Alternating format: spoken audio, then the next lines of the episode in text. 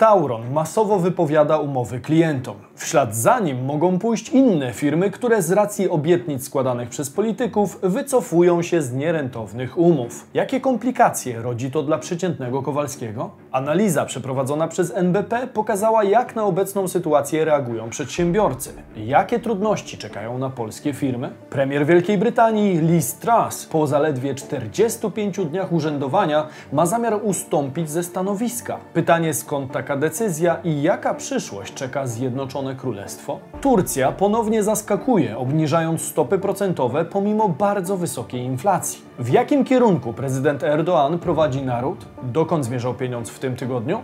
Sprawdźmy to. Bizweek. Cotygodniowy przegląd świata biznesu i finansów. Cześć, tutaj Damian Olszewski i witam Was serdecznie w programie Praktycznie o Pieniądzach i informacyjnej serii Bizweek, gdzie co tydzień otrzymujecie dawkę najważniejszych informacji ze świata biznesu i finansów. Ten tydzień również nas nie zawiódł.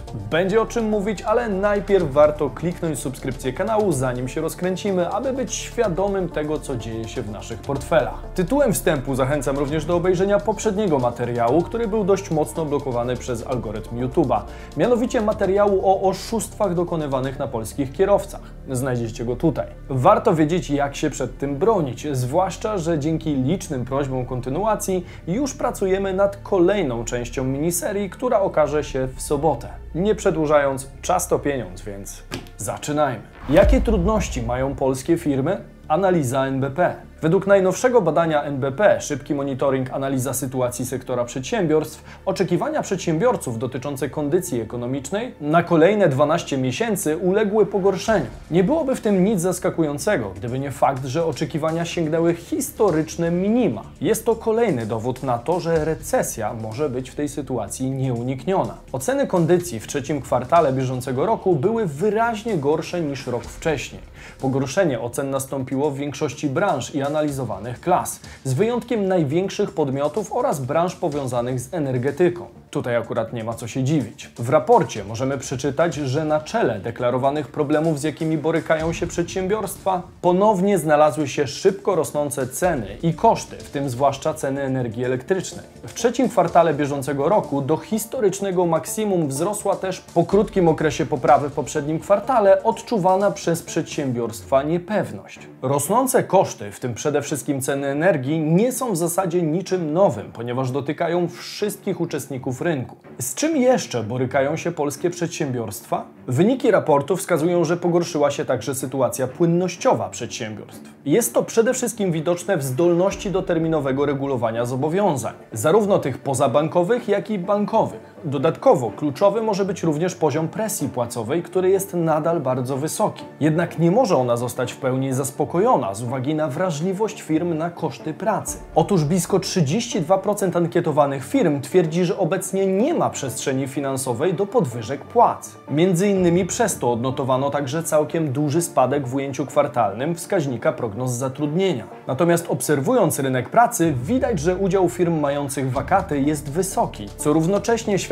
o aktualnym relatywnie dużym zapotrzebowaniu na pracę. Zatem firmy świadomie oczekują w horyzoncie rocznym obniżenia się popytu krajowego. Dlatego osłabł także optymizm inwestycyjny, a to również ściśle powiązane z wysoką inflacją. Dalsze pogłębienie niechęci do inwestowania w naszym kraju jest w dłuższej perspektywie bardzo alarmujące.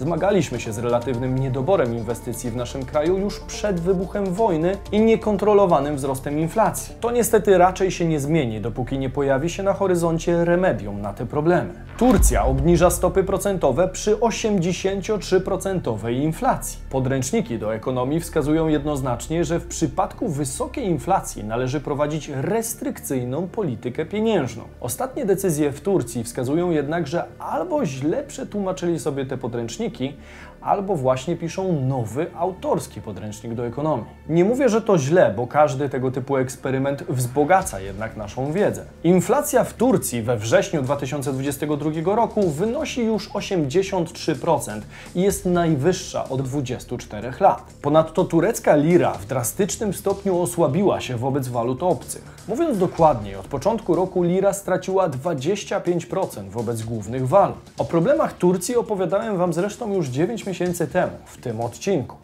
Warto do niego wrócić, jeżeli nie wiecie, co tam się obecnie dzieje. Jak wobec drastycznego osłabienia waluty i wysokiej inflacji zachował się turecki Komitet Polityki Pieniężnej? Dotychczasowa stopa procentowa była na poziomie 14%. KPP, czyli odpowiednik naszej Rady Polityki Pieniężnej, obniżył jednak stopy procentowe o 100 punktów bazowych. W komunikacie po decyzji KPP stwierdzono, że obniżka nie jest początkiem cyklu zmian stóp procentowych i obecny poziom jest odpowiedni. Powodem obniżki była rzekoma obawa co do spowolnienia wzrostu gospodarczego. Ważne, aby warunki finansowe pozostały korzystne dla zachowania tempa wzrostu produkcji przemysłowej i pozytywnego trendu w zatrudnianiu w okresie rosnącej niepewności co do globalnego wzrostu, a także eskalacji ryzyka geopolitycznego, czytamy w komunikacie. Jak widać, Sahab Kavcioglu, prezes Banku Centralnego Turcji, popiera teorię prezydenta Recepa Tayyipa Erdoana, który uważa, że wysokie stopy procentowe powodują inflację,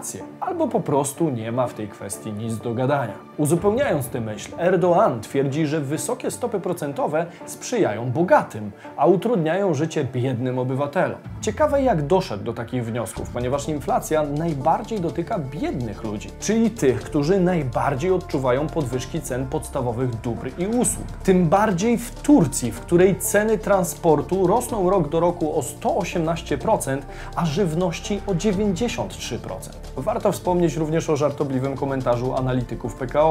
Turcy ewidentnie chcą przetestować, jak funkcjonuje gospodarka przy realnej stopie wynoszącej minus 100%. Dobrym podsumowaniem tego, co aktualnie dzieje się w Turcji, jest porównanie tureckiego portalu onedio.com, który zauważa, że 55 tysięcy lir tureckich w 2015 roku wystarczyło, aby kupić Volkswagena Golfa. W tym momencie natomiast ta kwota nie wystarczy, aby nabyć iPhone'a 14 Pro Max, który kosztuje ponad 57 tysięcy lir. Oczywiście te różnice wynikają również ze zmian podatkowych, bo podatki w tym kraju potrafią stanowić olbrzymią część ceny elektroniki, ale o tym mówiłem już w poprzednim odcinku na ich temat. Jak myślicie, czy recepta Recepa Erdoana uleczy turecką gospodarkę? Dajcie znać w komentarzu. BGK wyemituje obligacje na sfinansowanie wydatków wojskowych. No i witam Was na kolejnym zakręcie, gdzie geopolityka miesza się z lokalną ekonomią. Bank Gospodarstwa Krajowego podał w swoim komunikacie, że na przetargu, który odbędzie się 24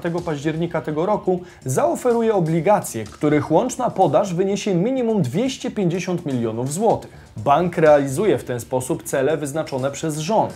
Emisja obligacji na rzecz Funduszu Wsparcia Sił Zbrojnych ma spowodować pozyskanie środków na modernizację polskiego wojska i poprawę zdolności obronnych kraju. Jak wynika z opublikowanego listu emisyjnego, wielkość emisji obligacji BGK na rzecz FWSZ do końca 2022 roku nie przekroczy 15,2 miliardów złotych. Oprócz obligacji BGK do źródeł finansowania FWSZ należą bezpośrednio wpłaty celowe z budżetu państwa, a także część zysku rocznego wypracowanego przez NBP. Obronność to w tej chwili jeden z kluczowych elementów dla dalszego rozwoju polskiej gospodarki i przekonania inwestorów do dalszych inwestycji na terenie naszego kraju. W przeciwnym wypadku dalsze pozyskiwanie kapitału będzie dla Polski coraz to droższe. We wcześniejszym odcinku serii Bizweek wspominałem Wam o rekordowej rentowności polskich obligacji. Osiągnęły wtedy rentowność na poziomie powyżej 8%.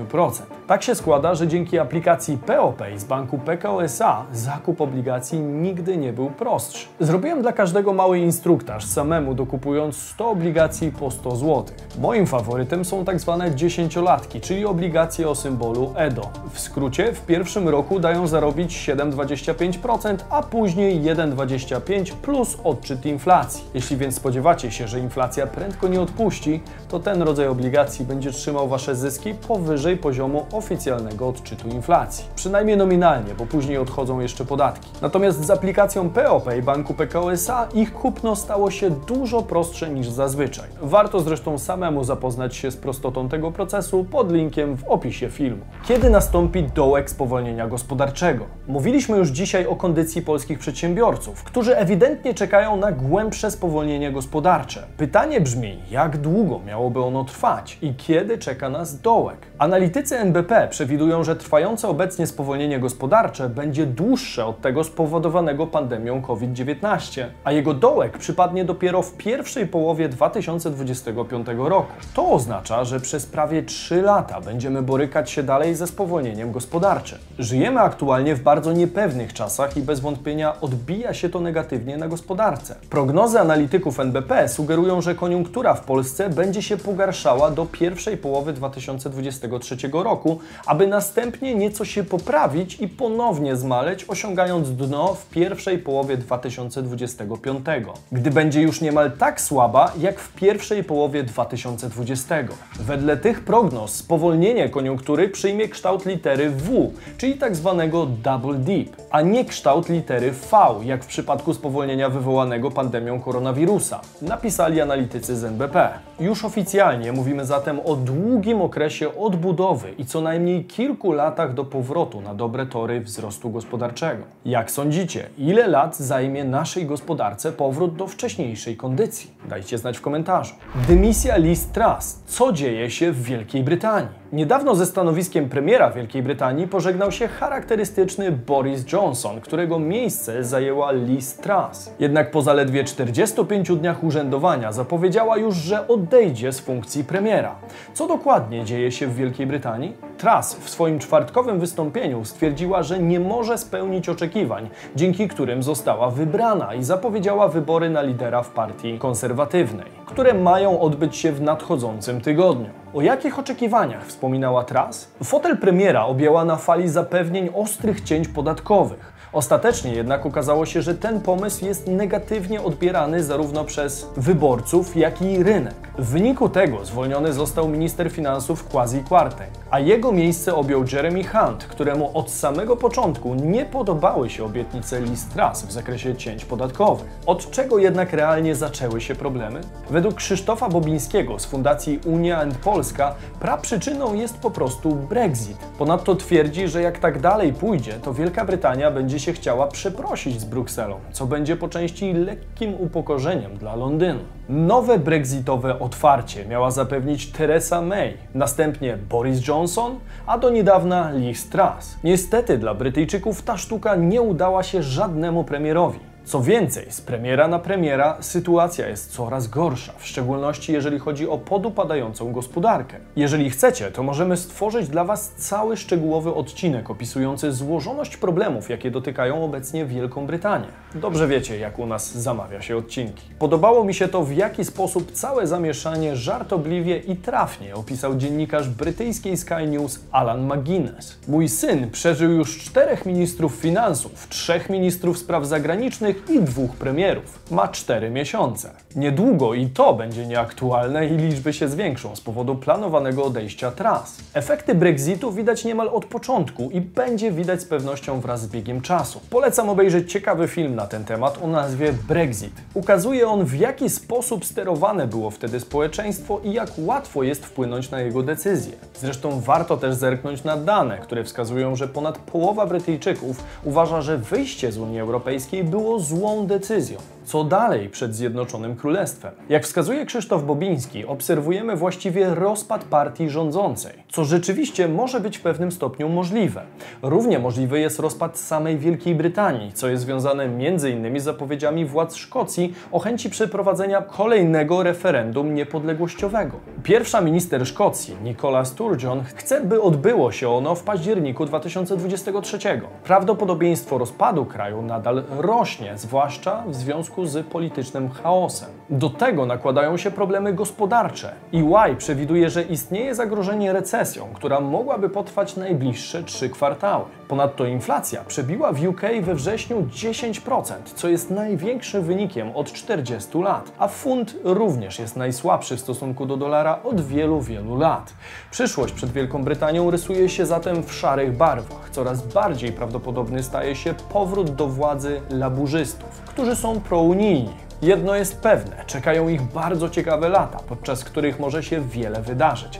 Na przykład rozpad Wielkiej Brytanii lub powrót z podkulonym ogonem do struktur unijnych. Tauron masowo wypowiada umowy klientom. We wtorek media poinformowały o niespodziewanym wypowiadaniu umów na dostawy gazu przez Tauron. Skala jest dość duża, ponieważ dotyczy to aż kilkudziesięciu tysięcy klientów. Co ciekawe, większość, jeżeli nie wszyscy klienci zostają poinformowani o tym poprzez zwykłą, nierejestrowaną przesyłkę. Nie ma więc gwarancji, że ktoś ten list rzeczywiście otrzymał i że ma świadomość tego, że w trakcie zimy umowa zostanie rozwiązana. Tym bardziej zdecydowaliśmy się nagłośnić to zdarzenie, bo być może i niektórzy z Was mogą obudzić się z ręką w nocniku. Jak poinformowała spółka w komunikacie, ich decyzja spowodowana jest niestabilną sytuacją na międzynarodowym rynku gazu, wywołaną rosyjską agresją na Ukrainę. Prezes spółki Tauron Sprzedaż Rafał Soja argumentował decyzję następująco. Podjęto ją teraz, bo mamy pewność, że klienci są chronieni poprzez mechanizm urzędowej kontroli ceny gazu.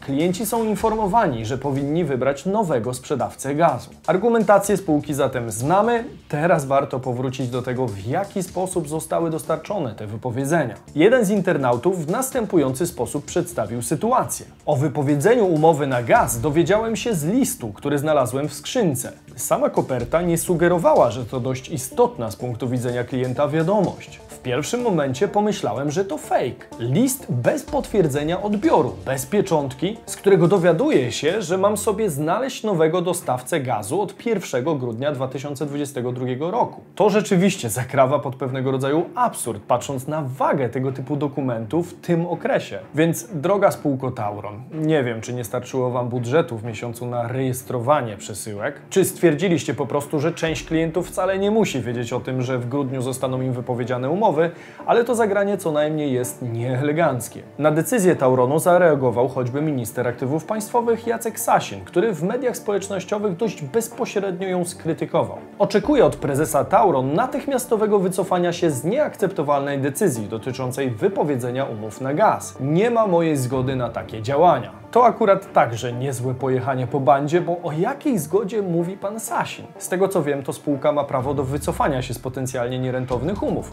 chyba że coś nas ominęło. Wypowiedź polityka spotkała się również z kontrą od Piotra Kuczyńskiego, znanego analityka finansowego Xelion, który w rozmowie z gazetą.pl przyznał, że sytuacja jest dość niezwykła i dodał, że spółka ma prawo wypowiedzieć umowę, o ile są w niej zapisy na to pozwalające. Zazwyczaj jest to powołanie się na vis majora, siła wyższa. Minister minister szefujący Ministerstwu Aktywów Państwowych oczywiście nie może tego zakazać, bo spółka musi dbać o interesy swoje i jej akcjonariuszy. Przy tym całym zamieszaniu warto jednak zachować spokój. Tauron finalnie poinformował, że jeśli klient nie podpisze umowy z nowym sprzedawcą, gaz będzie nadal dostarczany. Obowiązujące przepisy zabezpieczają odbiorców przed takimi sytuacjami. Za dostarczenie gazu odpowiadać będzie tzw. Tak sprzedawca rezerwowy, czyli sprzedawca wyznaczony zgodnie z przepisami prawa energetycznego energetycznego. Będzie on oczywiście wystawiać rachunki za gaz, jednak co warto podkreślić, ceny nie będą wyższe niż taryfa zatwierdzona przez prezesa Urzędu Regulacji Energetyki. Prezes Soja podsumował całą sytuację tak, że zmiana ta będzie nieodczuwalna dla naszych klientów. Jest to niezwykle ważna informacja, której niektórym zabrakło po prostu w początkowej fazie komunikacji. Chyba dało się to zrobić lepiej. Mówił Damian Olszewski, a to był Bizweek, wasz cotygodniowy przegląd najważniejszych wydarzeń ze świata biznesu i finansów. Warto subskrybować kanał, aby wiedzieć dokąd zmierzał pieniądz. Zostawcie hashtag Bizweek w komentarzu, jeżeli doceniacie naszą pracę, a my widzimy się jak jak zwykle w sobotę i niedzielę o 15. Cześć!